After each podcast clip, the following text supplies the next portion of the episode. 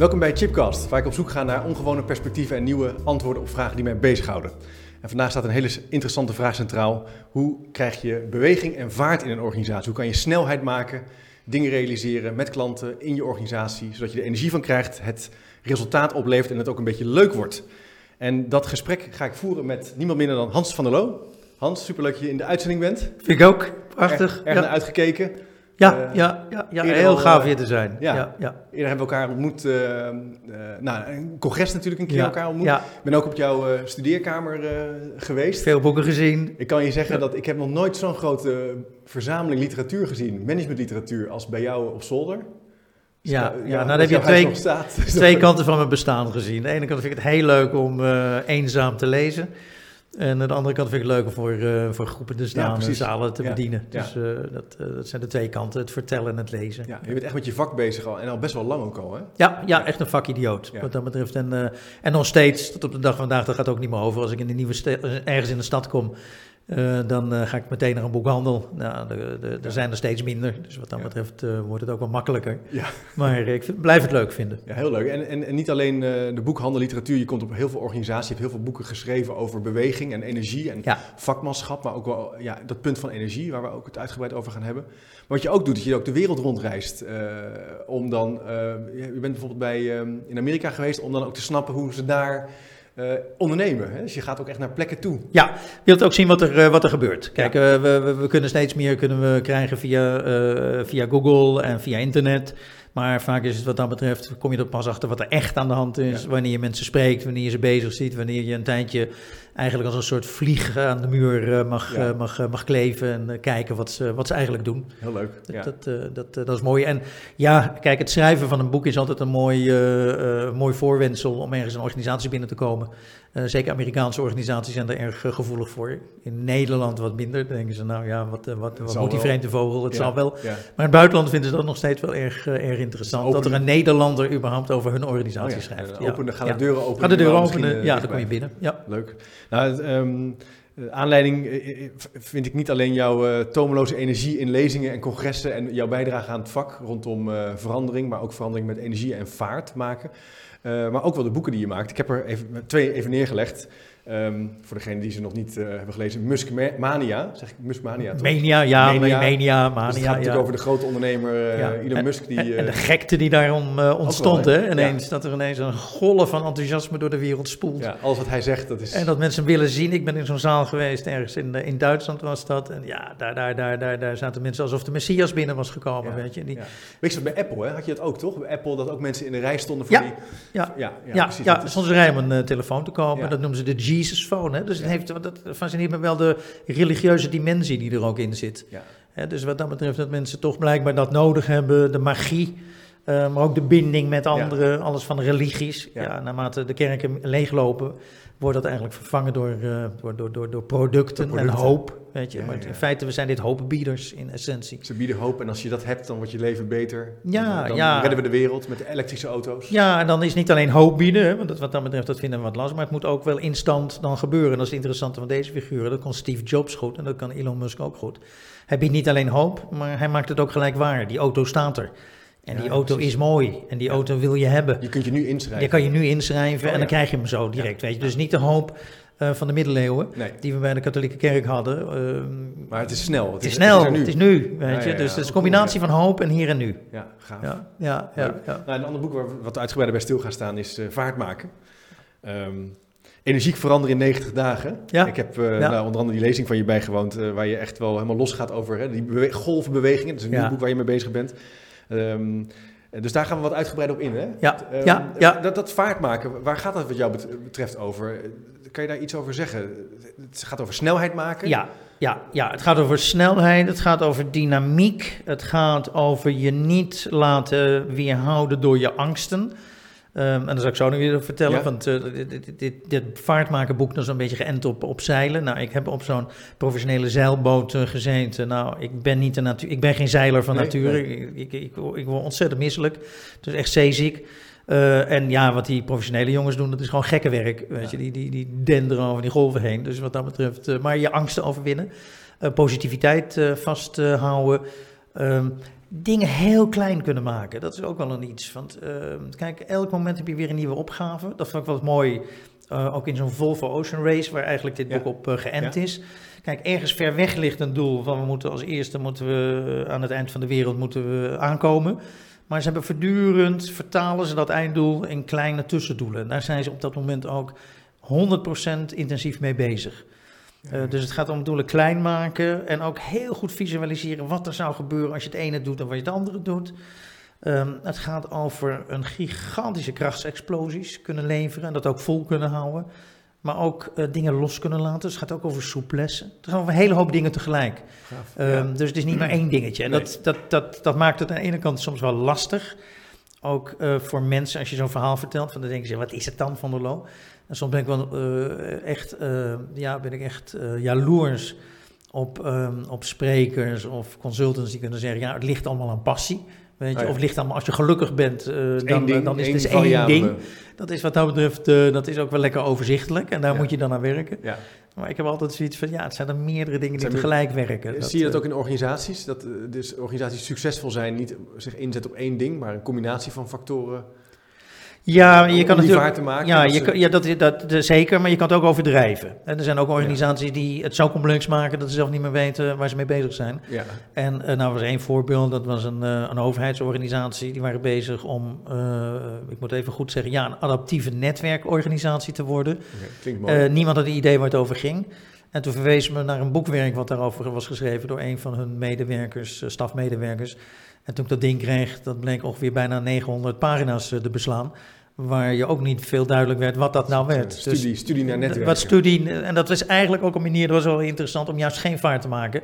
Van als je moet gaan studeren, ja, dan, dan dan ben je een paar jaar bezig. Dus Ja. dat boek had al een paar jaar gekost, dus in die tijd hoefden ze weinig te doen. En het lezen van het boek kost ook zoveel tijd. Laat staan het begrijpen ervan, het doorgronden ervan, dat je ook nergens aan toe kwam. Nee. Dus je kunt ook de complexiteit en het aantal dimensies kun je zo groot maken dat er niks meer gebeurt. Ja, dus ja, het is ergens. Het is wel een soort middenweg. dat die middenweg vinden steeds. Dat, eh, dat, dat, dat, is een, dat is een belangrijk iets. Ja. En eh, waarom, zou je, waarom zou je als organisatie snelheid moeten maken? Er is, is ook wel, er is ook wel eh, een boeddhist zou misschien zeggen, nou, we moeten juist Ja. een beetje rustig... Ja. eh, Ja, nou ja, weet je, moeten, dat heb ik Moeten. eigenlijk uit mijn eh, Ja. woordenboek geschrapt. Het is willen. ja. Eh, en maar als je nou de, de kant van het moeten hebt, er is wat veranderd in de omgeving. En dat heb ik zelf meegemaakt. Dat vond ik wel, eh, ehm, ooit was de samenleving en de omgeving en de economie die was relatief vast. we hadden vaste banen, vaste werktijden, vaste carrières, vaste functieomschrijvingen, vaste structuren, vaste succesformules. Nou, noem maar op alles. Dat was vast, was gestold. Ja. En ergens in de jaren 80, 90 is dat gaan vloeien. En het was leuk, ik werkte in die tijd bij KPN Research en hield me daar bezig met strategische planning. En we deden in die tijd nog vijfjaren planning. Ja. En dat was iets fantastisch, weet je. Dan werk je twee jaar aan, aan zo'n vijfjaren plan. En dan had je dat gemaakt. En daar stond dan ook alles in wat er de komende vijf jaar ging gebeuren. Ja, Nou, en na ja. drie jaar ging je weer een nieuw vijfjarenplan maken. Ja. Dus dat was eigenlijk een fascinerende tijd. Maar er stond alles in. En het was ook relatief makkelijk. Hè, want er waren geen concurrenten. Of tenminste, misschien was er één of zoiets dergelijks, maar die was er niet Dat van belang. voorspelbaar. Er was voorspelbaar, er was één product, een zwarte telefoon. En eh, ja, die klanten moesten gewoon wachten eh, tot ze wat van ons kregen. Ja. Dus ja, dat was een voorspelbare wereld ook. En in de jaren tachtig is dat gaan, eh, gaan, gaan, gaan veranderen. Toen drong ineens het besef door, hey, het is, begint vloeibaar te worden. Ja. Toen kreeg je ook verhalen over Toyota Way of Production. Ja. Met name de, de, de, de Japanners waren er goed in. En lean production en just in time. En dan wordt het allemaal logistieke ketens. Dan wordt het een soort logistiek regime, zien we dan optreden. En dan worden ook, wat dan betreft, de keten wordt omgedraaid. Dus niet meer alleen van, vanuit de fabriek naar de klant toe. Maar ineens gaat die klant die gaat er ook toe doen. Goh, die klant wil wat. Ja. Dus dan krijgen we flexibele werktijden. Maar alles nog eh, binnen de perken. Nou, en dat is eigenlijk in, eh, aan het begin van deze eeuw is nog een keer een graadje erger geworden, of een graadje hoger geworden. Ehm, we leven nu in een golvende wereld, echt, waar je voortdurend geconfronteerd wordt met hele snelle golven, die soms opkomen, dan ineens weer verdwijnen. Maar dat kunnen ook vloedgolven zijn, dat weet je nooit van tevoren, die ineens je hele bestaan eh, in, eh, in gevaar brengen. Dus het is veel onvoorspelbaarder en de relatie met die omgeving die, die komt veel meer binnen in die organisatie dan dat vroeger Ja, ja, zo was. Vroeger ja. had je dus het vijfjarenplan Ja, en nu moet je eigenlijk elke maand, elke week, elke dag... Ja, nou Kijken ja, wat er de- afkomt. een telco-wereld, eh, daar, daar is nu tegenwoordig drie maanden, dat is lange termijn planning. Ja, En zelfs dat is al een vrij grote illusie van morgen kan het ineens weer anders Ja. zijn. En eh, nou ja, denk dan wat er gebeurd is de afgelopen jaren met een paar jongens van WhatsApp, dat waren er maar 13, ja. die hadden WhatsApp ontwikkeld. En uh, gooi dat hele businessmodel van de telco's onderuit, Ja. weet je. Dus uh, Had niemand, niemand zien aankomen. Ja, misschien enkele, maar Nou ja, dat het zo snel ging. niemand... Kijk, het leuke was, van, dan zeg je altijd van... joh, maar die bedrijven hebben toch ook allemaal researchers in dienst. Die hadden toch... Ja, iedereen had die researchers in dienst, maar Ja. die hadden zoveel mogelijkheden. Had het ook weer... Dat niemand had gezien dat dit het zou gaan, uh, gaan, Dus gaan, gaan worden. Dat zegt ook wel iets over dat innovatieve vermogen van mensen. Dat het veel meer op aankomt om die omgeving, die klant te kennen, te snappen wat er speelt. En die kansen op dat je het goede pad pakt, of de goede golf zit, Ja. dat die wat Ja. groter wordt. Dat is, Nou, dat is het. En de timing, dat is een belangrijk ook Timing. iets. Dus de timing, dat begint steeds belangrijker te worden. En het is niet eh, toevallig dat er heel veel boeken verschijnen op het moment over de kracht van het moment ja, eh, en, en, en, en, de momenten. Dus het gaat echt van het kiezen van je momenten. En daar, ehm, wat dat betreft, zie je dat oude denken vaak nog, eh, nog fout gaan. Want ik kom soms ook in organisaties en dan zeg je, nou, je zou daaraan kunnen denken. Ze- Dan zeggen ze, dat hebben we al gedaan. Ja, dat zegt niks dat je het al gedaan hebt. dat maakt niet zoveel uit of je het al eerder hebt gedaan. Dat maakt niet zoveel uit. Je moet het juiste moment vinden. Ja. En het gaat geen eens meer zozeer om de product-markt fit, zoals altijd werd Ja, gezegd. Maar het gaat om de, ja, ja, het moment Ja, dat je moet eh, pakken. fit. Die moet je, je moet je moment pakken. Je moet je juiste golf pakken. Net zoals surfers. Ja. Die liggen soms tijden te wachten. Ineens pakken ze die golf. En als er fout is, nou jammer dan. En dan pakken ze, beginnen ze de volgende beginnen ze weer te zoeken. Dus dan moet je steeds naar gaan, eh, gaan, Het gaan vraagt zoeken. ook wel wat van, van leiders of managers of bestuurders van organisaties, dat die ook wel openstaan en ook wel zien dat dat nodig is. Dus een andere vorm van leiding geven dan dat je op het beheersen zit of op het controleren zit of op het lange termijn. Ja. Die lange termijn is dus niet meer zo lange termijn. Nee, en, en, en dat is ook wel interessant dat de, de, de, ja, de, de eerste boeken over leiderschap eigenlijk in, in de nieuwe zin, persoonlijk leiderschap en wat meer energieke leiderschap, ja, dat is eh, Stephen Covey Ja, met zijn zeven kwaliteiten. Ehm, ja, dat, dat verscheen in de jaren negentig. Dus dat was eigenlijk een weerspiegeling van die wereld die vloeibaar ging worden. ja, En in die nieuwe vloeibare wereld was het management. Kijk, managers, management, het woord, dat komt van manage. Dat zijn paardenmanners. En als je de E en de A omdraait, dan kom je bij huishouden terecht. Ehm, dat is menage. ja. Dat is dus een combinatie van paardenmanners en huishouders. Dus een manager, die wil de boel op orde houden. Ja. Dat is gewoon zijn streven. En die wil vinken. ja. Dus dat is ook zijn doel. Dus daar zal ook altijd behoefte aan zijn. Hè? Want Ja. bij alle vloeibaarheid zijn er altijd al vaste elementen. er zijn Dus- regels en er zijn altijd vast. Dus al die boeken die zeggen de, eh, verdwijnen, de managers verdwijnen, allemaal flauwekul. Eh, als het een zootje gaat worden, dan gaat je niet veel lukken. Ook in Nee, je zegt, dat is wel leuk. Je zegt dus binnen die Volvo Ocean Race of binnen dat vaartmaken zul je nog steeds wel dingen moeten kunnen checken, verantwoording Ja. kunnen afleggen, Ja, transparantie Ja. nastreven. Dat zal niet direct verdwijnen. dat zal niet verdwijnen. Dat is één grote illusie die we vaak hebben met die rijtjes van we gaan van oud naar nieuw. En dan zie je allemaal oud staan. En dat was dan management, we gaan naar nieuw. Dat is dan leiderschap en dat is dan flexibiliteit. Ja, Ja. ik denk aan Mahula. Ja? Was het maar zo makkelijk. Ja. Dat heb ik ook erg tegen die transformatieverhalen van eh, Rotman en, eh, en consorten. Ja. het kantelpunt en zoiets dergelijks. Nee, wat het is, het wordt complexer. Alsmaar, je moet het ene kunnen, maar het andere moet je er nog bij kunnen. Het is en-en. Het is en-en. En dat of-of, dat suggereert, zo'n kantelpunt suggereert dat we naar een totaal nieuwe wereld, dan klapt het om. En dan zijn we ineens in een nieuwe wereld gekomen. En dat zijn een Ja, beetje Alice in Wonderland eh, verhalen. Ja, precies. Er is niet een soort doorgang, een mythische deur die open gaat. nee, nee, dat maar is... er zijn wel een, een toename van complexiteit, het en-en, een bekwaamheidstoename, Ja, waarin je meerdere ja. dingen moet kunnen. Ja, ja, En, en, en waarin je dus die beweging moet kunnen opzoeken en die golven moet kunnen pakken. moet kunnen pakken. En daar komt dat leiderschap. Hè? Want eh, leiderschap, het begrip dat komt van litan, dat betekent op kop gaan, dat is oud-Engels. En eh, ja, dat is iets heel anders dan de boel op orde zetten. Wat de managers doen, dat is op kop gaan bij onvoorspelbare gebeurtenissen. Dat Ja. betekent goed om kunnen gaan met je angst, eh, mensen mee kunnen nemen, inspireren en al dat soort, eh, dat soort elementen. Ja. Ja, en de hele fascinatie voor leiderschap, die, komt, ja, die, die, die berust op het feit dat die omgeving veranderd is. Dat beseffen we vaak niet, van vaak wordt leiderschap gezien als een vorm van leidinggeven. En dus leiderschap, dat is iets voor de baas. Eh, dat zie je in de leadership eh, development programma's, weet je. Daar zitten dan bazen en dat zie je ook in de Managers. literatuur. Ja. En jij zegt dus dat is niet zo. Jij, je kan er Nee. nog breder naar kijken. naar Ja, je moet er breder naar kijken. Dus iedereen die op kop kan gaan. Maar dat kan tegenwoordig ook, wat dat betreft, de, de, de, de, de, de keukenjuffrouw zijn. Ja. Als die een lumineus idee hebt. Ja. Vaak zie je dat de leidinggevende, nou denk aan die, die, die kapitein van dat eh, Italiaanse schip eh, wat eh, Ja. tegen de rots op ging. Die was als eerste was hij eraf. Ja. En de rest moest toen vervolgens het leiderschap tonen om wat te laten gebeuren. aan. En het mooiste in de films, weet je, daar, daar smullen we ook van. Dat zijn vaak niet de leidinggevenden die Nee. daar de helderrol De vullen. maar onverwachte held. dat is iemand die ineens, ineens de accidental hero, Ja. hè, die ineens... Wat, eh, wat vraagt dat van je? Want eh, eh, dat op kop gaan, eh, als je bijvoorbeeld in een, ik even voorbeeld van een school wil in het mbo-onderwijs, kwalificatiedossiers of keuzedelen lopen niet goed. Je er zijn mensen die hebben daar ideeën over. Maar er zijn natuurlijk risico's. Als je het gaat vernieuwen, dan kan het zijn dat Ja. opdrachtgevers eh, dat ingewikkeld vinden. Dus die angst is best wel een, eh, eh, best wel een reëel thema. Hè? Dat speelt Ja, twee dingen eigenlijk. Eh, angst en automatisme. Angst en automatisme. automatisme. Dat Ja. zijn de twee eh, ik zeg, de basale drijfveren die je eigenlijk eh, het veranderen tegenhouden. Ja. Daarvoor zijn ze ook bedoeld. Ja. Hè, automatismen zijn bedoeld als een soort energiebesparingsmechanisme. Eh, joh, blijf gewoon doen wat je altijd deed. Dat gaat het goed. Hè? Dat gaat dan goed. Het kost min, zo min mogelijk energie. Dat is wat dat betreft in dieren ook. Hè. Die gaan het liefst slapen en rusten. En die komen pas in actie als er angst is, als ze in gevaar zijn. En angst is ook een heel primair mechanisme.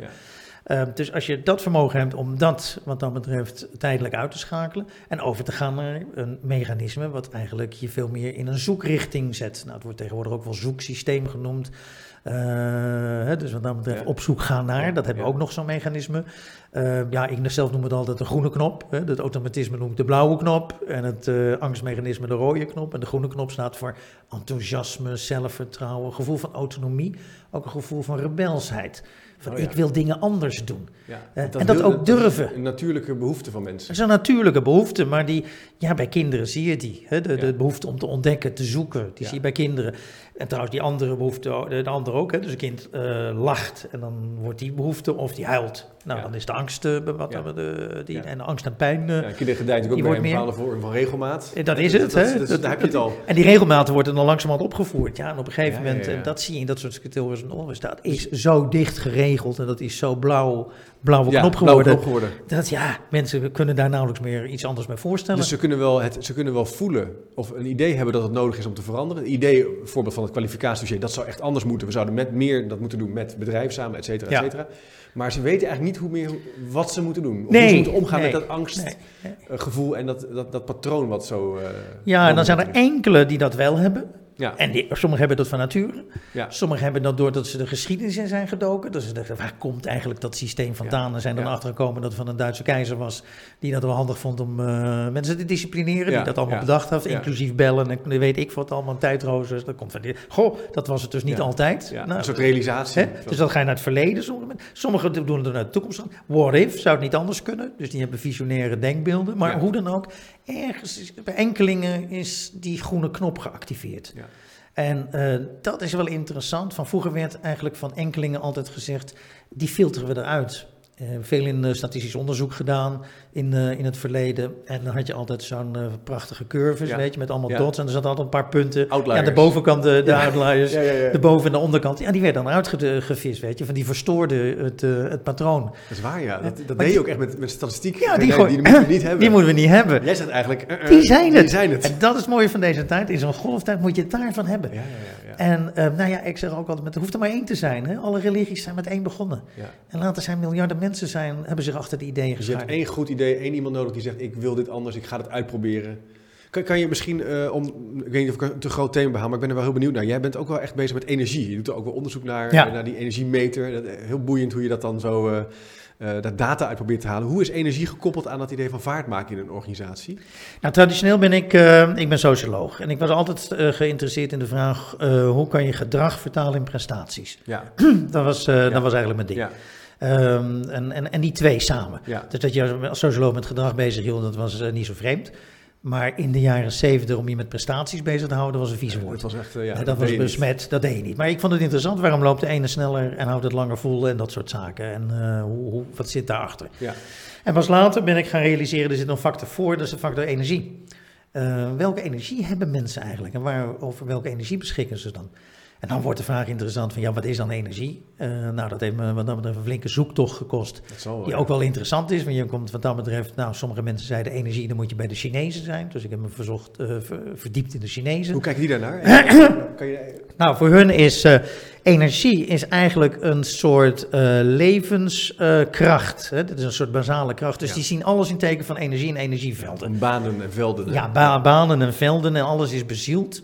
Eh, en, eh, nou, en alles is, oh, dat is ook een, een, een, een mannelijke een yin-yang. eh, Ja. het is al, ook een evenwicht. Hè? De ene is meer de krachtdadige en de andere is meer de, de, de, de, de, de nemende vorm.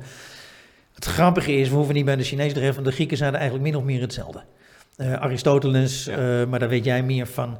die had het ook over ja, bezielde objecten. Weet je, een steen valt naar beneden omdat de steen de energie heeft om naar beneden te vallen. Weet je, want die behoort daar bij de aarde. Die had ook wel een zekere vorm van balans was daar ook. Ja, ja, en Plato had het ook met zijn, zijn, zijn twee wagenmenners.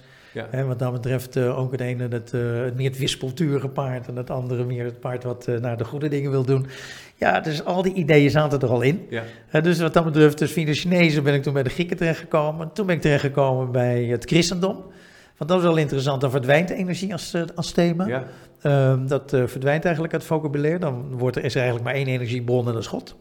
Ja. die geeft de energie. En uh, ja, alleen maar door een verhouding met God te hebben, kun je van, met die energie in aanraking komen.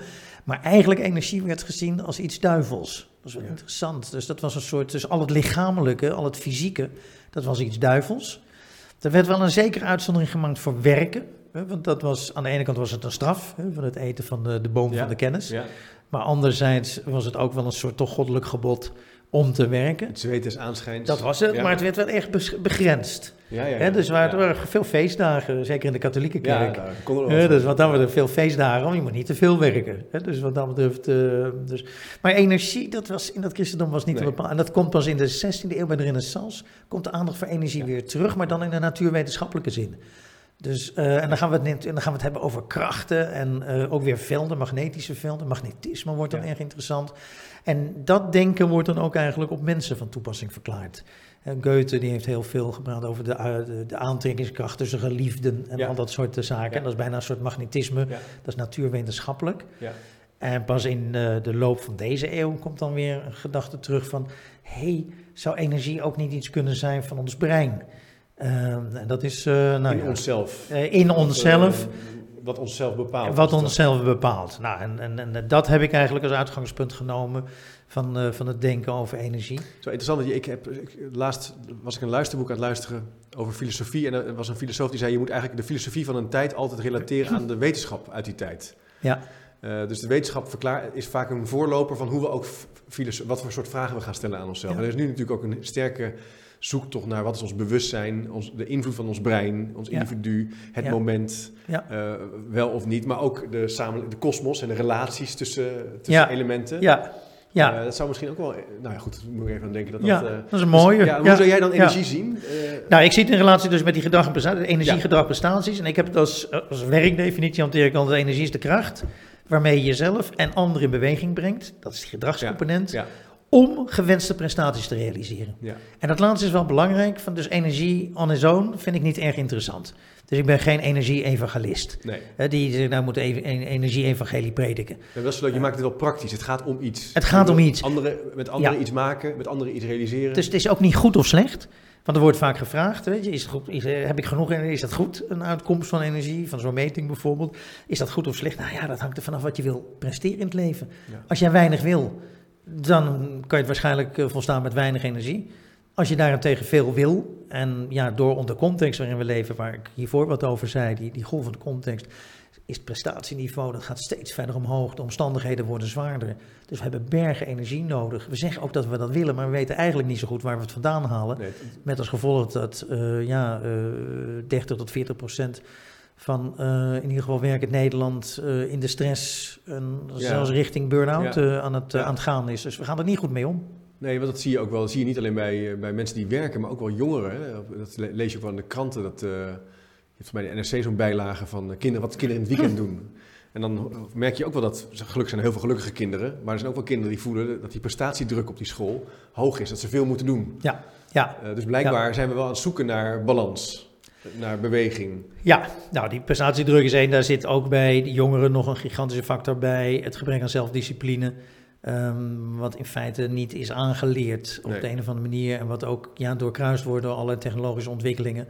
Dus de aandachtspannen die zo kort is geworden door de hoeveelheid prikkels die er zijn. Dus het heeft niet alleen met prestaties te maken. ja, je zegt ook discipline. Er is zoveel komt er binnen. Ja. En uh, ja, eigenlijk zou leren kiezen en je kunnen concentreren, ook een verdieping. Ja. Dat zou wat dan een heel belangrijk onderwijsvak uh, moeten zijn. Ehm, maar ja, vaak gaan we daar ook in het onderwijs uh, gaan we juist mee in die uh, lage concentratiespanners. Ja. Dat is echt moet leuk zijn. Ja. en de leukste leren zijn, dat zijn die, die, die, die, die YouTube-leren. Ja. Die er een soort feest van maken en uh, het alleen maar inspirerend en nog leuker maken. Ja, terug is natuurlijk dat, dat heel veel kinderen dat zien en ook denken dat dat zo de realiteit is. En dat is het dan. En, en dat is het dus niet. Maar dat is het dus, nee. ze denken dus van wel. En wat je natuurlijk ook ziet in scholen is dat het heel druk is in klassen. Er stond gisteren weer een uitgebreid onderzoek over in de krant dat de prikkels in klassen gewoon heel hoog zijn. Hè? Er is weinig stilte. Ja. Uh, niet dat het nou allemaal stil moet zijn. Bedoel, school zou een hele fijne plek moeten zijn waar ook lawaai wordt gemaakt. Maar een beetje leren je... De balans. Ja, van dus, één minuut naar twee minuten, drie minuten. Maar goed, we hebben het niet helemaal alleen over school, school natuurlijk, maar ook over dat vaartmaken. En dus de relatie met energie. Uh, als je nou als organisatie met dat vaartmaken aan de slag wil, waar moet je beginnen? Je nou, zegt al iets over dat leiderschap. Van hoe, moet je, hoe kijk je dan naar, naar bedrijven die zeggen: ja, we willen ook meer mee met die golf, we willen ook meer vernieuwen? Ja, nou, het begint in ieder geval niet met een, uh, zoals traditioneel begint, traditioneel begint met een plan. Ja. Dan gaan we eerst analyses doen, rationele ja. analyse. Gaan we een plan maken ja. en dat gaan we een plan uitwerken. En dan gaan we zelfs een programma van maken. En ik weet allemaal. Niet, niet doen. Jij zegt niet dat doen. moet je niet doen. Begin niet met de ratio, begin met je emoties. Begin je eerst af te dat vragen. Tegen, dat zou je toch bijna niet. Dus jij zegt begin met je emoties, sorry, dat vind ik wel heel leuk. Ja, ja. begin met je emoties. Ja. Net ook al aangegeven, niet alle emoties zijn even bruikbaar. Want als nee. er angstemoties zijn, moet je, wat dan moet je die zien uit te schakelen. Ja. Ook zo'n automatische piloot die zegt, nou we geloven het wel jongens en het komt wel en het is toch eigenlijk goed zoals het is. Moet je ook. Maar die positieve emoties, daar begint het mee. Het begint dus met positieve emoties. Dus voor van, van passie, nieuwsgierigheid. Wil je wat? Iets Enthousiasme, willen. maar het gaat ook nog wat dieper heb je ook een soort bazaal vermogen, een bazaal zelfvertrouwen. Dat je een geloof in jezelf hebt dat je het wel zou kunnen. Ja. Um, en heb je ook een gevoel van um, nou, zelfstandigheid, autonomie. Um, ja, ik, ik, ik wil ook zeggen, gaat de hele hubs die gaat naar rechts. Ik vind het leuk om het, het pad naar links te gaan. Ja, durf je dat ook te zeggen? Durf, durf je, dat, hè? Ja. Durf je dat? Dus daar, het begint met energie en het begint vervolgens niet, het begint met je eigen energie, maar vervolgens ook te kijken, zijn er nog meer van dat soort eigenlijk positieve gekkies in mijn omgeving. Die dat ook denken. En waar zitten ze dan? En dat is heel lastig, want alles eigenlijk in ons brein en alles ook in ons management zegt, nou, je moet gericht zijn op problemen en op dingen die fout gaan. En dan moeten brandjes geplust worden. Of ik analyseer het probleem en jij mag het oplossen. En ik ga van voren, nee. gaat dat brein al een hele berg opwerpen. Ja, maar Jan, Piet, Klaas, Kees, die willen het allemaal niet. Ja. Weet je, van die zijn tegen en die willen nooit wat. Het is nooit gelukt en zoiets dergelijks. Nou, die, die berg, daar moet je eerst overheen. Dus dat, dat is een, dat is een, dat is een, ja, dat, dus het, het begint niet bij een plan, maar het begint bij de energie en het, beter gezegd nog bij positieve energie. En bij willen. En hoeveel mensen, het lijkt semantisch, maar hoeveel mensen het voortdurend hebben over moeten. En dat liefst in de vorm van er moet hier veranderd worden. Ik zie zoveel CEO's zeggen, er moet hier een verandering plaatsvinden. Dat is de eerste zin. Nou, dan ben je eigenlijk, en dat is onderzocht, hè, het verschil tussen willen, dat iemand zegt ik wil of wij willen, en er moet. Daar zit ongeveer 25% energieverschil zit daarin dus ja, er moet. Ja, dat klinkt eigenlijk zoiets van, uh, dat is aan, het is afstandelijk, er moet. Nou, het ja. zal er komen. En het moet, weet je. Nou, ja. alles wat moet, dat vinden we niet leuk. Dus wil je het? Ja, begin met iets willen. Begin met iets willen. Nou, twee, begin met iets concreets te willen. En dat is wat dat betreft ook een ramp. We praten heel veel in containertermen, waarvan dan iedereen denkt... Uh, waarvan bestuurders, die vinden het vaak makkelijk van het klinkt mooi, ja. maar niemand weet waar het over gaat. Nee. We willen ondernemend, professioneel en integer zijn. Nou, elk van deze drie woorden, daar zitten op zijn minst zitten er al duizend gedragscomponenten aan vast. Het begrip ondernemend, dat is, alle gaat alle kanten kan ermee uit. Dat betekent een ondernemer, moet ik risico's nemen? Ben ik, moet ik allemaal sociale netwerk hebben? Moet ik veel verkopen? Nou, gaan beginnen, door. Ja, dat is het, weet je. Dat, ja. is, allemaal, het is, dat is dus jij zegt, het gaat over iets concreets, iets wat je gewoon uh, kunt zien, kunt vasthouden. Maak het concreet en maak het beeldend. Ook die stippen aan de horizon, forget about it, weet je. Onze hersenen zijn niet gemaakt om te werken met stippen aan de horizon. Dan zegt de hersen meteen, laat me zitten die stip, want dat is niet interessant. Nee, wat interessant is, wat er in het hier en nu plaatsvindt. Ja. En dat zie je eigenlijk um, snel veranderende organisaties heel knap doen. Tuurlijk moet je een toekomstbeeld hebben. En tuurlijk moet er zoiets zijn ja. als een stip, maar je moet het niet aan de horizon houden. De kunst is juist dat je die stip visueel of gevisualiseerd naar voren haalt. En eigenlijk het hier stelt. Dus ja. je zegt, hoe zou die toekomstige school er nou uitzien? Nou, wat betekent dat voor de klas? die ik nu heb. Ja. Wat gaan we dan anders doen? Ja. Nou, hoe kom ik die klas binnen? Hoe zitten we daar? Wat zeggen we dan? Wat doen we? Wat voelen we? Ja. Hoe Eigenlijk wat die, wat die Musk ook doet. Ja. Ja. we, moeten, we moeten toe naar een andere vorm van vervoer met deze auto. Ja. En ik heb hem alvast even neergezet. En ik heb hem alvast hier en ga maar dat proberen. Is, ik bedoel, met alle problemen die er na de logistieke nachtmerrie die hij erna had, maar hij doet het wel. Ja. En Dus jij zegt, daarmee krijg je eigenlijk na het willen ook echt beweging die groter wordt en die, die impact gaat maken. Daarmee gaan mensen ook zien van hoe ziet het er dan precies uit. Dan, wordt het, dan komt het ineens dichtbij. Ja. Dan gaan ze nou eens ook meedenken, maar joh, wacht eens, het zou ook nog zus kunnen, het zou ook nog zo kunnen.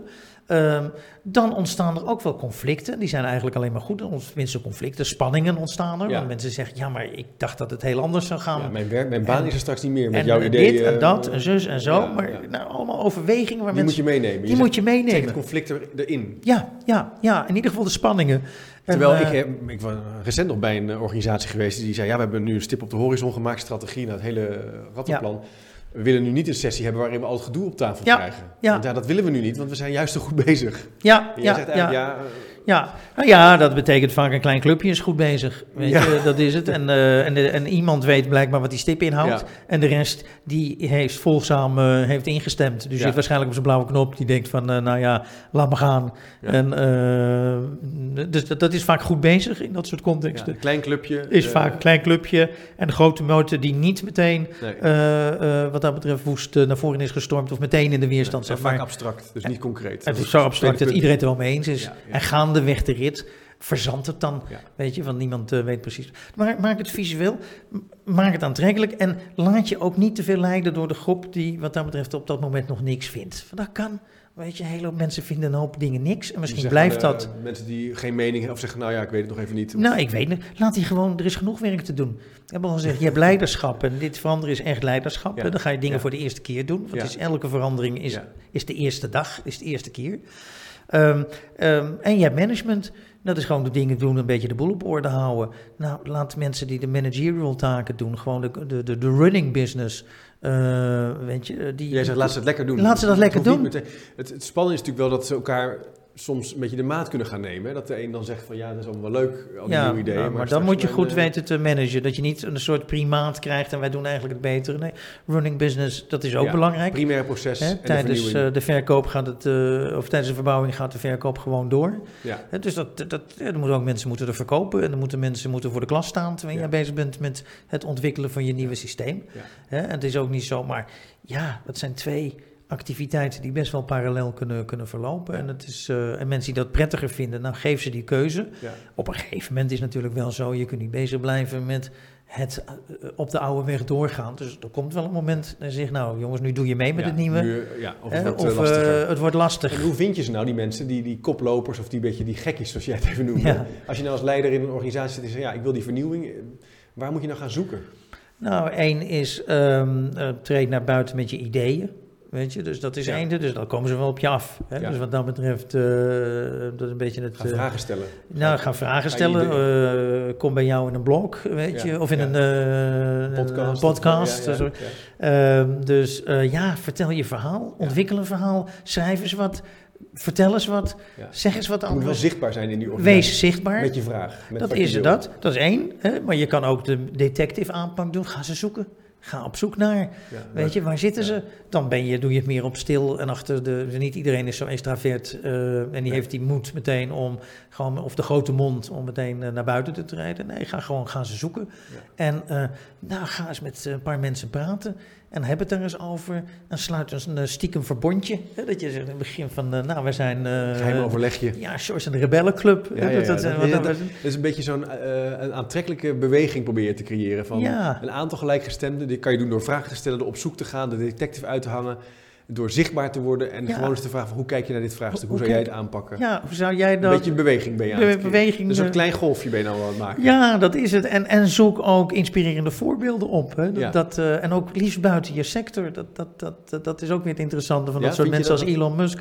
Nou ja, weet je, die interesseert het niks waar in welke sector die zit. Nee. Dus die, die, die, die Nee. gooit ook alles door elkaar. Die is bezig met auto's, die is bezig met, eh, Tunnel. met de tunnels graven, die is bezig met vlammenwerpers, die is bezig met ruimtevaart. En koppelt het op een vrolijke manier aan elkaar. Ja. Want daaronder gaat het allemaal. Ik wil die wereld verbeteren. Ja. Dat is zijn, zijn Dus uitgangspunt. jij zegt van, dat kan je heel groot zien eh, als, als, als Musk. Hè, eh, verschillende dingen doen. Maar je zegt in een, in een organisatie kan je ook verschillende perspectieven benutten. Je kan naar buiten gaan, je kan met je partner Ja. praten, je kan met je klanten praten, je kan met je buren praten die Ja. eh, op de, het fabrieksterrein eh, zitten. Ja, en leer, dat en, je, helpt. en je kan ervan leren, maar je leert er alleen maar van als je die groene knop, ik zou zeggen, die, zoekknop, als je die aan je hebt. aanzetten. Want als die andere knop aanblijft, die gaat je voortdurend voeden met allerlei dingen. Hé, hey, wij zijn van deze sector, maar daar gebeurt dat niet zo, Nee. weet je. En wij zijn heel bijzonder. Ja, Amhula heel bijzonder, weet je.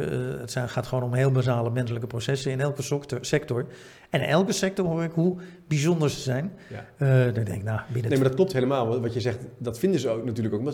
Als je van je vak houdt, als je dingen doet die leuk, dan vind je jezelf. Ik vind mijzelf ook bijzonder. Maar iemand Ja. anders zou misschien, ja, god, hij maakt podcasts. En er zijn wel duizenden mensen die podcasts maken. Ja. Omdat je het leuk vindt. Ja. Maar je zegt eigenlijk van, je moet wel erop uit. Je moet naar buiten gaan, Ja, met anderen gaan en je moet gaan kijken, wat is nou mijn vak? Eh, is dat de functieomschrijving? Is dat eh, alles wat erop en eromheen zit? Is dat mijn vak? Nou, vaak niet. Nee. Eh, je hebt een rol, en dan vind ik dat rolmodel vaak Ja. veel interessanter. Je vervult een bepaalde rol. En wat is die rol dan? Ja. En kan je die rol ook anders invullen? En vullen mensen in andere sectoren diezelfde rol op een andere manier in? Ja, dus je kan als, eh, ja, als eh, teamleider van een gemeentelijke instelling denken... ik ben manager van een team van ontwerpers. Ik kan ook zeggen, ik ben aanjager van een vernieuwing. Ik moet juist die stad in.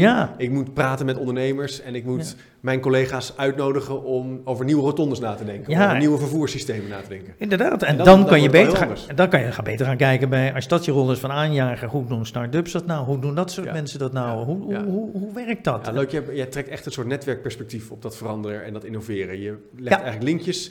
In die zin echt een socioloog. Ja, eh, ja, die daar ook natuurlijk naar netwerken kijkt. En als er nou, er zijn, ik kom ook wel organisaties tegen die zeggen, ja, mijn mensen hebben dit nou helemaal niet. Die kunnen dit niet. ja. Kan je het nou, Ja. niet, kan je het nou leren? Kan je, het, kan je het Ja. ontwikkelen? Maar het eerste, dat is nog even Of die ja, comité. ja. Hè? Dan hadden we het eerst hadden we zoiets van eh, die positieve energie. Ja. Ga, daar, De ga daar bij elkaar zitten. Hè, Ga niet gelijk de mensen bij zitten die, die. En positief betekent niet alleen maar het goed vinden.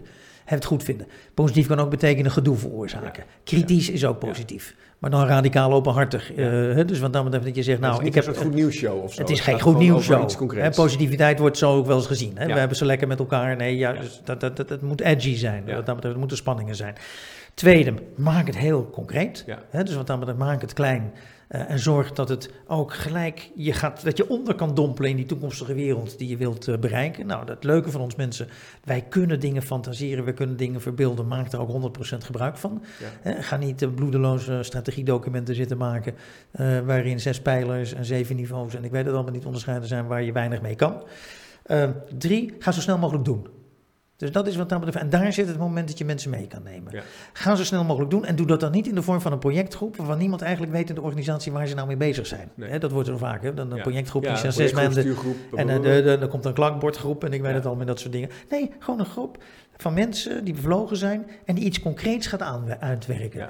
Nou, daar komt eigenlijk... Daar zit eh, leren in. Hè? daar zit, en dat is eigenlijk, dat is, dat is experimenteren, dat is leren, realiseren. Dat zijn eigenlijk de drie eh, belangrijkste elementen. En laat dat plaatsvinden in de vorm van een glazen huis, eh, denk ik altijd. Dus En daar bedoel je mee transparant? Of het transparant, zichtbaar? laat, maak het zichtbaar. Ja, En maak ook bondjes, maak ook verbindingen met de rest van de organisatie die bezig is met running business. Dus laat ze van tijd dat die mensen bezig zijn met running business ook eens bepalen. Laat ze maar inbellen of laat ze langskomen om te bepalen of wat dat groepje gedaan heeft, of dat wel deugt. Ik denk ook wel eens dat dat, dat, dat punt van zichtbaar, van de, de verandering zichtbaar maken, dat er posters hangen, dat er dingen gebeuren, dat je Ja. in die organisatie voelt, er is iemand bezig met iets. Ja, ja. Dat dat gewoon werkt. ja, en met een regelmatige cadans, twee weken, drie weken, van mij per de maand of nog korter, breng tastbare productjes. Daarvoor Ja. kleine dingetjes waar mensen iets hebben. Tussenfases, Oh, ja. prototypes. Prototypes. Oh, is dat iets waar jullie mee bezig zijn? Want dan denken mensen, mensen oh, we moesten ondernemend zijn. Ik had een organisatie die waren al drie jaar bezig ondernemend te worden. Eh dat was er niet gelukt. Ze hadden alles geprobeerd, leertrajecten, ik weet het allemaal niet. Het was niet gelukt. En toen zijn we met zo'n traject begonnen. Eerst, wie wil er überhaupt ondernemend zijn? Wie, wie, wie, wie durft dat aan? Ja. Nou, dat was een klein groepje. Twee, we gaan het heel klein maken. Wat betekent ondernemerschap voor ons? Nou, dat betekent eh, in dit geval twee dingen. Echt binnen een aantal maanden met commerciële producten de markt op. En twee, een soort local hero worden. Dus eigenlijk in je eigen streek, in je eigen vestiging, een soort kleine held worden. Een plaatselijke lokale held. Nou, dat waren de twee elementen. En toen zijn we daarmee gaan, eh, gaan, eh, gaan werken. En dat zijn we aan het uitwerken. En om de twee weken kwam er een concreet product lag er op tafel, waar de rest van de organisatie iets van vond. Nou, en toen kwam er ineens een hele discussie. En toen kwamen er ineens ook mensen die zeiden, oh, maar is dat ondernemend? Ja. Dat vind ik wel leuk om te doen. Ja, daar heb ik ook wel een idee. Of Daar heb ik ook wel dit idee. Nou, join the party. Kom meedoen. het, het paradoxale eraan is dat het eigenlijk simpel, weet ik, het is eigenlijk simpel wat je moet doen. Alleen het is in een organisatie vaak enorm complex geworden om uit te proberen. Ja. En Ja. Eigenlijk is dit een pleidooi om dus snel uit te proberen, snel te experimenteren, dingen te maken. Het hoeft niet af te zijn, als wel het moet uitnodigen tot een gesprek, uitnodigen tot dialoog Ja. met je klant, met je collega's. Ja, nee, dat is, dat is, Dat is dat de- dat is de, de, de, de, crux. En, ehm, en, en je moet eh, even qua, qua mindset moet je een paar dingen omzetten. Dus we beginnen niet met een plan, maar we beginnen met eh, die positieve emoties. En het andere is eh, structuur brengen we aan op het einde van het traject. Als het succesvol is geweest, gaan we structuur aanbrengen in de vorm van nieuwe gewoontes. Ja. Terwijl wij vaak beginnen, dat hebben we zo geleerd. eh, en dat hebben we zo geleerd omdat we dachten, nou, een organisatie is een machine. Ja. Hè, dat was in feite dat is het hele beeld van Taylor. De, Ja. de, de, de organisatie is een machine waarin mensen geen, geen, geen, geen, geen rol Nee, spelen. ze moeten niks kapot maken, Hè, ze ordentelijk... Ze moeten eh, ordentelijk werken, ja, en verder moeten ze verder niks doen. En als we een organisatie willen veranderen, dan gaan we gewoon aan die machine sleutelen. Maar het gek is toch wel hierover dat zelfs Minsberg al wel zei van ja, die, die structuur die moet volgend zijn op een strategie. Je zou toch denken dat. Want ik herken veel Ja. organisaties die zeggen, nou, we hebben een tussenlaag weggehaald of we hebben een nieuwe stafdienst toegevoegd, want we willen wendbaarder zijn of whatever. Ja. Eh, terwijl in- alles, in jouw voorbeeld blijkt, maar ook wel uit andere praktijkervaringen, dat het eigenlijk andersom is. Ja, en de, wat mij eh, echt vast, nou, wat me dwars zit, maar ook wel weer fascineert, is de gigantische standvastigheid toch van dat meer rationele, bureaucratische structuurdenken. Ja. We weten het wel, Ja. weet je, maar toch het.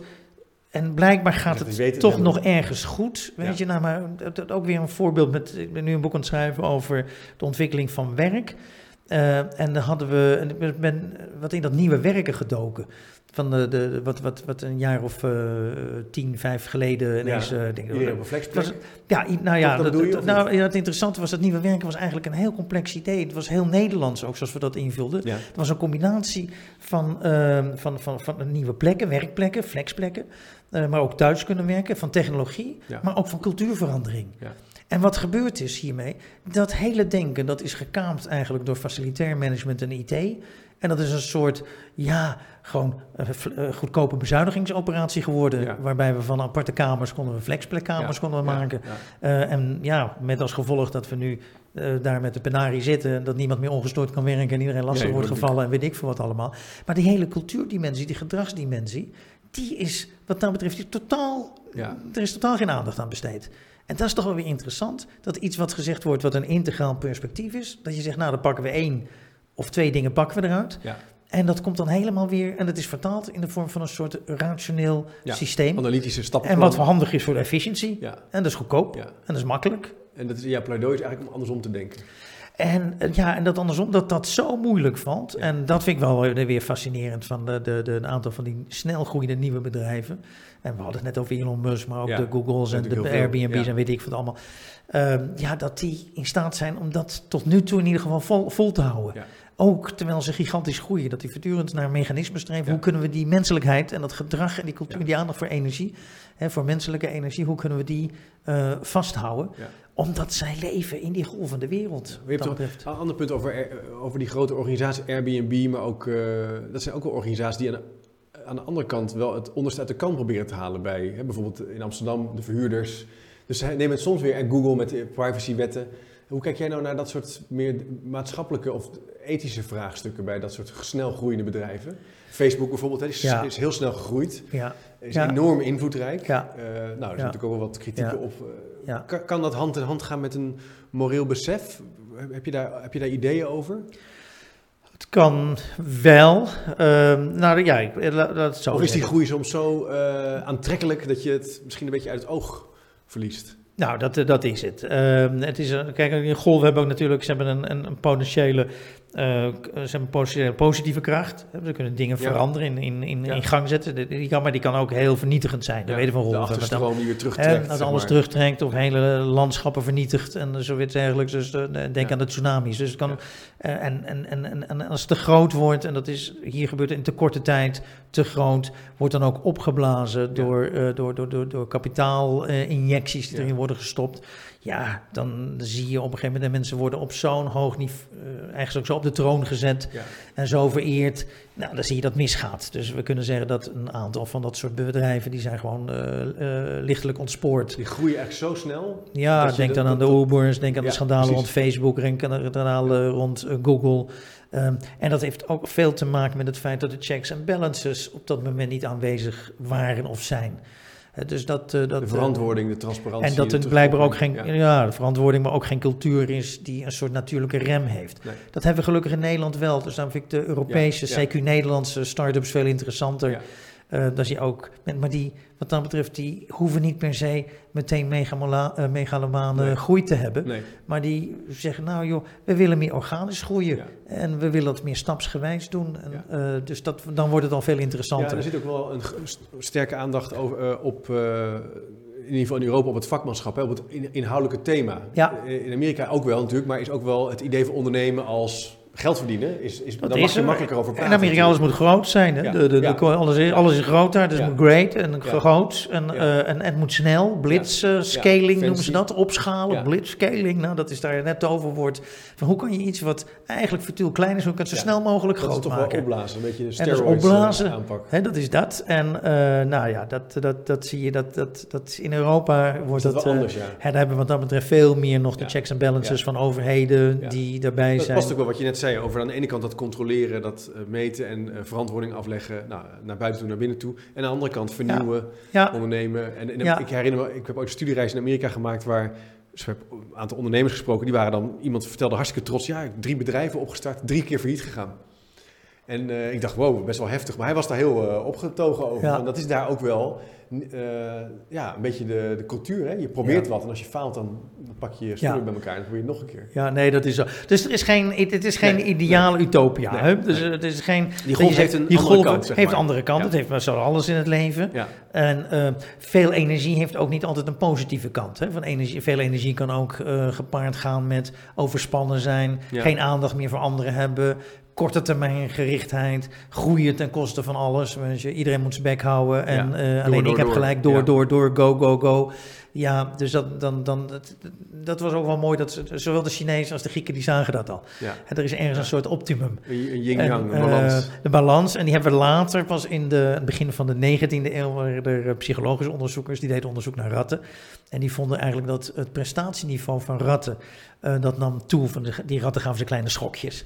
Ehm, en dan nam het prestatieniveau toe tot een bepaalde top. En dat noemden ze dan de top arousal. Nu zouden we zeggen, we zitten in de zon. En voorbij die top nam het dan weer af. En dan kwamen ze in een soort stress terecht. En Ja. dan eh, nam hun prestatievermogen nam af. Dus eigenlijk wat, die, eh, wat de Chinezen en de Grieken eh, Ja. dachten, ja, dan konden we dan later konden Dus we het dat is wel bewijzen. spannend dat dat vaart maken, dat, dat die golven kiezen als eh Volvo Ocean. Is, het gaat niet over de maximale spanning opzoeken en super scherp op de wind varen. Maar een weg waarin je en kan presteren, maar ook wel ruimte is voor een blik naar buiten, eh, reflectie en rust. Het, het is een ritme. Ja, en, ja, en als er iemand overboord slaat, dan ga je eerst ga je die persoon redden. Ja, Weet je, dat is niet Ja. de kosten van alles. Want eh, Nee, dat nee. is natuurlijk dat is Dan een je- beetje wat er nu gebeurt in Silicon Valley. Dat is gewoon eh, Ja. man overboord doorknallen, weet je. Dat is belangrijker. ja. Dan, dan raak je de proporties raak je uit, eh, uit de oog. Dus, en soms ook, ja, dat, dat zie je dan ook. Ook die professionele zeezeilers, die zijn echt tijdens zo'n race. Soms kan je even beter echt heel goed nadenken. En wat moeten we nu doen? En dat, dat doen ze dan Ja, ook. moet de tijd zijn. Hè, moet die eh, tijd zijn. En het leuke van eh, dat is ook soms dat je door omwegen te maken eh, sneller bij je, bij je doel komt. Ja. Eh, dat vond ik ook wel fascinerend Ja. om dat eh, te horen. Het is, het is niet, Niet de kortste weg van A naar B. Nee, soms hangt van je wind af en die wind kan weer veranderen. Dus dan moet je ineens. Het is vaak ook gokken. Hè. Er zit ook een element in van we hebben misgegokt. Nou, wat nu? En dat, dat zijn de mooie momenten. En dan zie je dat- ook het leiderschap. Weet je? Dan Zeker. is het niet en de veerkracht en alles. Ja. Het gaat dus ook wel niet alleen over supersnel ondernemen en nieuwe dingen bedenken, maar ook wel de tijd nemen met elkaar om eh, het eh, inhoudelijk met elkaar in gesprek te gaan over waar je aan wil werken, energie gebruiken, Ja. aan de slag gaan, experimenteren, uitproberen. Dat Ja. is de, de, de veel succesvollere veranderen en innoveerstrategie dan dat je zegt van plannen maken, overzicht creëren, beheersen, aparte groepjes maken. Ja, Ja, ja, ja, en dan vooral uh, omdat, je, omdat je het wil, daar blijf ik op, op hameren, die, die, die positieve energie aan het uh, begin. En uh, met een heel duidelijk beeld voor ogen steeds, van dat moet je wel steeds aanpassen. Dus iedere keer als je ergens blijft steken, dan moet je weer een stukje naar voren gaan. En misschien is het dan wel interessant, want ik had het eigenlijk ontwikkeld, um, dat, dat gedachtegoed, omdat ik ja, waar, waar, komt het uit voort? Ik werkte bij een adviesbureau ja. en daar deden we allemaal top-down cultuurveranderingsprogramma's en visietrajecten. En um, nou, dat, dat, dat was eigenlijk alleen maar goed voor de portemonnee van de desbetreffende adviseurs. Daar kwam je met 30, 40 man zo'n organisatie binnen. Ja. Je bleef, verbleef er daar een jaar of drie. En iedereen ging dan door een soort uh, malle molen, een waterval aanpakken. En ik weet het allemaal niet hoe dat heette. Je had niet het gevoel dat dat impact had. En dat had geen enkele impact. Weet je. Ja, wel op het moment. Want tijdens zo'n sessie vonden mensen het allemaal wel lollig en leuk. En ja. kost je heel veel energie. Maar er gebeurde verder gebeurde er weinig tot niets. Dus kan het niet slimmer. En um, tijdens die uh, reis kwam ik in contact met werk van een aantal klinische psychologen. Um, en die hadden een model van zelfverandering hadden ze gemaakt. En een daarvan was uh, John Norcross. En die had een boek geschreven, Changeology. En uh, nou, ik kwam dat toevallig ergens tegen, dus ik begon dat te lezen. En er ging een wereld ging voor me open. Ik vond het zo fascinerend wat hij schreef. En wat hij schreef was daarom ook zo fascinerend. Niet alleen wat er stond, maar het was ook allemaal onderbouwd in 30 jaar onderzoek. wat ze met een club van 30 hadden gedaan. Wat was zijn punt dan? Nou, zijn punt is dat zelfverandering eigenlijk helemaal niet zo lang hoeft te duren als vaak wordt gedacht en ook niet altijd fout hoeft te gaan, weet je, want dat zijn okay. de, ge de geikte dingen, hè? 80% ja. van alle gedragsveranderingen ja. mislukte. En dat, een gedragsverandering, dat duurt moeilijk, niet zeven jaar. Nou, in die tijd van consultancy werd dat ook vaak cultuurverandering. Dan zei ze aan de top, ja, maar dat is moeilijk en lastig en het duurt zeven jaar. Dan zeiden we altijd, nou, in jouw geval gaan we dat drie jaar kunnen wij dat doen, weet je. Eigenlijk dachten we, nou, flauwekul, van dat moet in, kan het ook in drie weken. Maar goed. Um, maar hij gaf daar een wetenschappelijke onderbouwing voor. Wat moet je doen? En dat was, de stappen beginnen nu parallel te lopen. Eén, uh, je moet het willen. Ja. Nou, als je, als je, dingen niet wil, dan gaat het echt niet gebeuren. Dus dat is uh, als je het dus niet wil en alleen maar doet omdat anderen dat doen of omdat je vindt dat mot, dan ben je ongeveer 25% van je veranderenergie ben je kwijt. Twee, je moet heel duidelijk beeld hebben wat je wil, dus maak het heel klein. Ja. Ook dat dus die stip naar nu halen, klein stip naar nu halen. Als je die eerste twee stappen niet doet, ben je 50% kwijt. By the way, de meeste organisaties worden de eerste twee stappen niet gedaan. We gaan niet beginnen met emotie, we beginnen met een plan. Of we gaan gelijk doen. Dan gaan we gelijk naar plan 3. Ben je al 50% ben dus ja, kwijt. Hè? Enorm, ja. He, want dat opbouwen, die eerste belangrijk om dingen op te bouwen. Nou, dan drie, uh, doen. Ga aan de slag. En het gaat geheid mis, zei die Norcross. Ja. Het gaat geheid mis. Nou, als het misgaat moet je even stilstaan. Dat zijn de momenten van bezinning. Waarom is het misgegaan? Nou, dat is misgegaan, want ik had van tevoren een hypothese in mijn hoofd zitten wat dat betreft hele levenshypothese. Ja, uh, ja. Wat dat betreft. Ik dacht dat het zo zou zijn. Ik dacht dat het zo zou Dat blijkt niet zo te zijn. Nou, weer even terug. Ja, dus is oké. Okay. Nou, hij zegt, dan moet je weer even terug naar één. Als je dan vervolgens weer opnieuw gaat beginnen, want dan moet je niet gelijk door gaan knallen. Dan is ook van, moet je even, wil ik het nog wel echt? Want dan kan ondertussen kan je ook zeggen, nou joh, er is niks voor mij en weet ik wat allemaal. En uh, dan moet je eens even wat. Nou, oké, je gaat dan weer met drie, ga je het anders proberen. Nou, blijkt te lukken. Laat je daarbij ook ondersteunen door anderen. Zij dat was stap 4. Wat dan zoek de ondersteuning, zoek de support of draag het uit aan anderen. Neem die mee. Weet je, als je eenmaal luchtgeluk bent om je eentje uh, te fitnessen, nou neem ook een maandje mee en uh, maak het zo aantrekkelijk voor hem of haar dat hij ook dit ook het met z'n tweeën doen. Dat is veel leuker, kan je elkaar ondersteunen. En drie, een soort vijf, maak er een uh, gewoonte van. Ja. Dus één, begin bij positieve emoties. Twee, maak het klein. Drie, ga doen, doen, doen. Vier, mensen erbij betrekken. En vijf, uh, structuur aanbrengen, nieuwe gewoontes maken. Nou, dat was het model wat hij neerzet. Dan zei hij, als je dat doet, kan je elke verandering... Ze hebben er 4800 gedragsveranderingen bestudeerd. Maar echt bestudeerd, ja, hè, want daar is er onderzoek naar is gedaan. Dus zei kan je elke gedragsverandering... kan je in een periode van drie maanden doen. Vandaar die 90 dagen hier ook. Nou, dat was wel fascinerend. Ja. Dat was, daarbij moet ik overigens zeggen, dit gaat om zelfverandering. Dus dit gaat om de lichte vorm van verandering. Dus een voornemen wat je hebt, gezonder eten. Gezonder eten, ik wil wat gelukkiger zijn, betere relatie hebben, wie het is, nou, dat soort dingen. Nou en wie je zelf moet, heb je geen therapeut of coach bij nodig. En ook, je hoeft niet in een gesloten inrichting eh, opgenomen te worden. het is in kader van jouw ding, het gaat niet om de zware vormen van verslaving. Maar wat is er anders aan dan, een, dan in een organisatie, zou je kunnen zeggen, deze vijf punten? Nou ja, dat was het. En dat was mijn belangrijke vraag kwam toen om. Kunnen we dit ook naar organisaties omzetten? Ja. Toen was wel interessant. Ben ik ben echt bij verschillende, um, bij mijn eigen bureau, want ik zat gewoon dit toen voorgelegd. Kunnen we het niet gaan doen? Het argument was, je hebt helemaal, theoretisch heb je gelijk, maar dan zijn we ons businessmodel kwijt. En hetzelfde heb ik ook voorgelegd aan een hoop trainingsbureaus. Dan krijg ik hetzelfde te horen. Ja, ons businessmodel is erop gericht om trainingen van acht weken neer te zetten. Uh, en lang in organisaties te blijven. Uh, ja, als jij nu komt vertellen dat het veel sneller kan allemaal. Ja, uh, het zal wel kloppen. Doe maar, maar dat is voor ons niet interessant. Ja, dus nou, dan ga ik voor mezelf beginnen. Dus, zou, je, zou je denken dat onderliggend de vraagstukken die soms in organisaties zo lang blijven spelen... ook in stand worden gehouden onbewust door samenwerkingen met bureaus... en uh, die met alle goede intenties, maar ook een businessmodel en een verdienmodel hebben om bepaalde manier van veranderen te propageren. Ja. Ja. Ik denk, het is een beetje een, uh, een inconvenient truth hè, om het erover te hebben. Maar soms, me op het heel veel bureaus bijvoorbeeld zeggen, ja, wij zijn heel erg van leren en werk verbinden en verandering in de praktijk. En de meeste leiderschapstrajecten, als het dan over leiderschap bijvoorbeeld gaat, is gewoon op, in een hotel of op een congrescentrum waar ze gaan praten over leiderschap. Ja, ja. Nee, dat, dat, dus dat daar raak je wel, hè, ja, ja. van dat changeology, een, een punt. Ja, ja, nee, dat is zo. Waarbij er ook nog, kijk, de, er is ook nog een soort wens om voortdurend allerlei heims en modus uh, te volgen, weet je. En dat is, het is, ja, het, het, is een sector, zeker die consultants, trainingswereld, is ook een sector die zichzelf voortdurend moet bedruipen. Ja. En ja, zoveel dingen zijn er ook niet. Kijk, een hoop, dat weet jij genoeg omdat je in de filosofie bent gedoken. Het meeste is wel gezegd.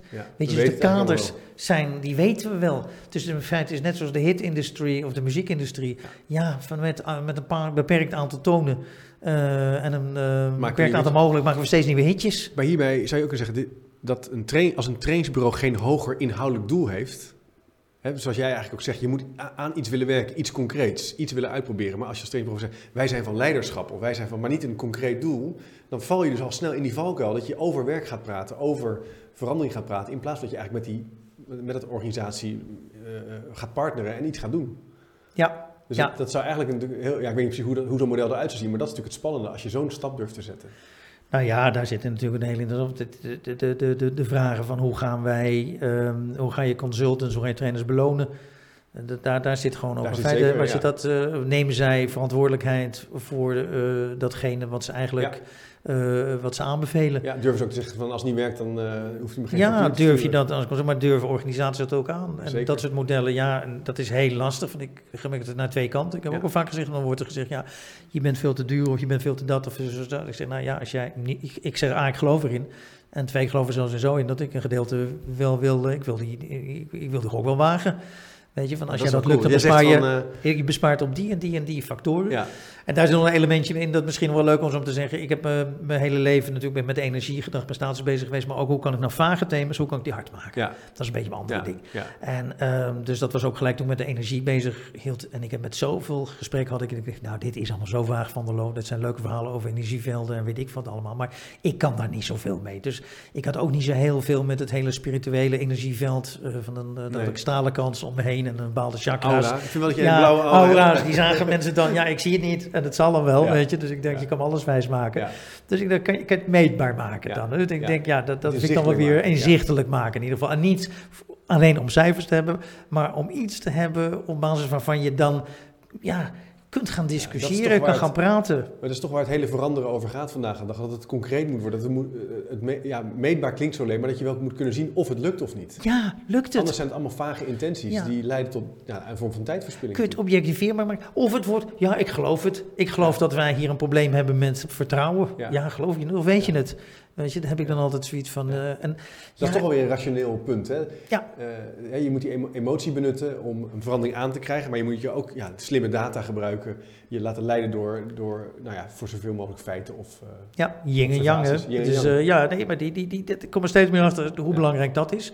En hoe makkelijk, van daar zit een punt, we van de ene balans naar de andere doorslaan. Ja. dus voortdurend gaan we een balans van negatief, naar ineens overdreven optimistisch. Ja. Nou, met het schrijven van het boek uh, nu van, over, uh, over werk, werkvuur, ook wel een interessant iets dat, uh, ja, het gaat slecht op het moment met ons werkvuur. Hè. Dus wat, de energie loopt weg, kunnen we aantonen. We meten dat nu vijf jaar. Ja. En in die vijf jaar zie je de energie ja. weglekken in organisaties. Uh, we weten, je ziet ook de oorzaken ervoor. Wat zie je op het moment gebeuren in HR? Uh, een overdreven optimistische houding van eigenlijk, uh, ja, het, het, het, het, is dramatisch, het is tragisch, but we refuse to take it tragically, weet je. dus we gaan juist op de andere kant zitten. Overdreven, veel aandacht voor passie. Voor passie, geluk, werkgeluk. Mensen, we gaan het hebben over employee experience en we gaan het hebben over... Terwijl nou, er meestal niet zoveel verandert. Of het is een, dat, dat was ook een punt wat ik heb vorig jaar een column geschreven over de onzin om van happy officers in, in organisaties, geluksofficieren en zo. Op zich willen we natuurlijk allemaal betekenisvol leuk werk doen, ben ik niet tegen maar als het bedoeld wordt om eigenlijk meer performance eruit te drukken. En uh, bedoel, als een trucje om eigenlijk onderliggende patronen niet aan te uh, pakken en niet het beest in de bek te kijken, ja, dan, dan ja, wat, wat is het dan? Ja. Ja. Dat is gewoon heel, dan is een heel naar, uh, ja. nare interventie. Nou, dat en het, of het zijn hele tijdelijke dingetjes, want daar moet je ook mee uitkijken natuurlijk, want dat, dat is de kritiek die ik wel heb op dat vaart maken. Drie maanden en dan. Ja. Dan begin je met je volgende traject. Ja. En daar is nog wel een hoop organisaties die hebben, zien dit toch als een soort dingetje. Ja, precies. Maar jij zegt het is meer een filosofie. Het is een, mindset. manier van kijken. Het is een mindset. Dus en als je dat niet snapt, dan gaat er niks gebeuren. Weet je, dan heb je een dingetje gedaan. En dat is wel het gevaar hiermee. En dat is ook een gevaar, ja, en daar kan je eigenlijk weinig tegen. Eh, omdat we zo lang in organisaties vaak bleven, is mijn principe steeds: jongens, na max zoveel tijd ben ik weg. Ja. En dan moet je het ook zelf kunnen. Ja, je moet echt wel jezelf uh, overbodig maken en een peren na een tijdje. En dan moet je wegwezen. Dus het is een filosofie, een manier van kijken om snel uit te proberen, energie te mobiliseren, ja, ja. Uh, prototypes te maken en ook die outliers te benutten. Dat vind ik nog wel een mooi beeld. Hè? Als je kijkt naar die data, die gekke eh, variabelen te benutten. En daarmee, en, en, dat als leider eigenlijk kunnen zien in een organisatie. Ja, ja, ja. ja, leuk, gaaf. Dat, ja. Nou, cool. Had nou het uh, vaart maken als uh, veranderfilosofie, hè? Fantastisch uh, boek. Leuk om met je over te praten. Um, je bent met twee nieuwe boeken bezig. Uh, ter, parallel ben je aan het schrijven. Misschien nog even leuk om de titels. Uh, jij zei het al even, je hebt al even één genoemd. Nou, het ene is werkvuur. dat uh, gaat eigenlijk over energie, ja. werkenergie. Ja. Dat is dat thema. En hoe werkt dat dan? En hoe zit dat dan? En hoe, wat, wat gaat er in de toekomst met ons werk gebeuren? Om, vanwege die lekken waar we het net over hadden? Ja, en vanuit een, een vreemd, een merkwaardige paradox die op het moment zichtbaar is. werk is nooit hoger gewaardeerd dan nu. In het verleden werd werk helemaal niet hoog gewaardeerd. Maar tegenwoordig, uh, we, we, we, meten eigenlijk alles af aan ons werk. En we willen dat graag hebben. Maar aan de andere kant, onze energie om te werken, die neemt steeds af. Dus de manier waarop we het organiseren, die, uh, die deugt niet erg. Dus daardoor dooft eigenlijk ons werkvuur. En hoe kan je dat, uh, hoe kan je dat voorkomen? Dat gaat daarover. En de andere boek, dat is uh, Wavemakers. Uh, dat is eigenlijk de, de tocht langs de Elon Musks van deze wereld, maar ook onbekende mensen die op een, kleine afdeling dit soort golven of rimpelingen soms hebben ontwikkeld. Eigenlijk van, de golven om dit boek heen zo. Hoe, dat hoe, is die nou Ja, wat zijn nou de mensen daarachter, de leiders daarachter en wat is dan het leiderschap? Hoe kun je dat dan doen? Leuk, nou, uh, uh, als ik zo brutaal mag zijn om je nog een keer uit te mogen nodigen voor uh, als, als een van de twee boeken af is, zou ik hartstikke leuk vinden om wat meer over dat gedrag en die beweging en die golven te praten. Um, leuk Hans, hoe je het zo, ik denk, heel mooi grote thema's concreet kan maken. Ik denk dat dat wel heel belangrijk is in deze tijd. En um, ik zou zeggen voor alle luisteraars, ik ga nou even één keer het boek omhoog houden vaart maken. Ik ga het zeker lezen, fantastisch leuk boek. Ook van Muskmania over de gekte die om Musk heen zit. Um, praktisch en snel veranderen met energie. Um, ik ga even nog in de andere camera kijken en nog een paar dingen zeggen afsluitend. Hans, uh, dankjewel dat je er was. Dank jij ook. En um, voor diegenen die uh, nu live kijken of die kijken op YouTube, uh, ik zal ook op de website chipcast.nl de speakers notes uitwerken. Dan kan je een aantal bronnen nog terugvinden, een aantal boeken die we noemden tijdens het gesprek. Met linkjes naar, naar een pdf van een artikel of een, of een andere link. Uh, en op de podcast kan je natuurlijk ook op Chipcast kijken naar uh, de speakers notes. Als je een vraag hebt of nieuwsgierig bent naar een nieuw thema, ga dan naar chipcast.nl slash vraag. Dan kan je je vraag stellen. Wie weet komt het thema dan wel in de uitzending. Of kom je een keer aan tafel zitten. Wat mij betreft kan dat. Dus er is veel ruimte voor zelfsturing en, en invloed. bedankt voor het kijken en luisteren. En tot de volgende keer maar weer.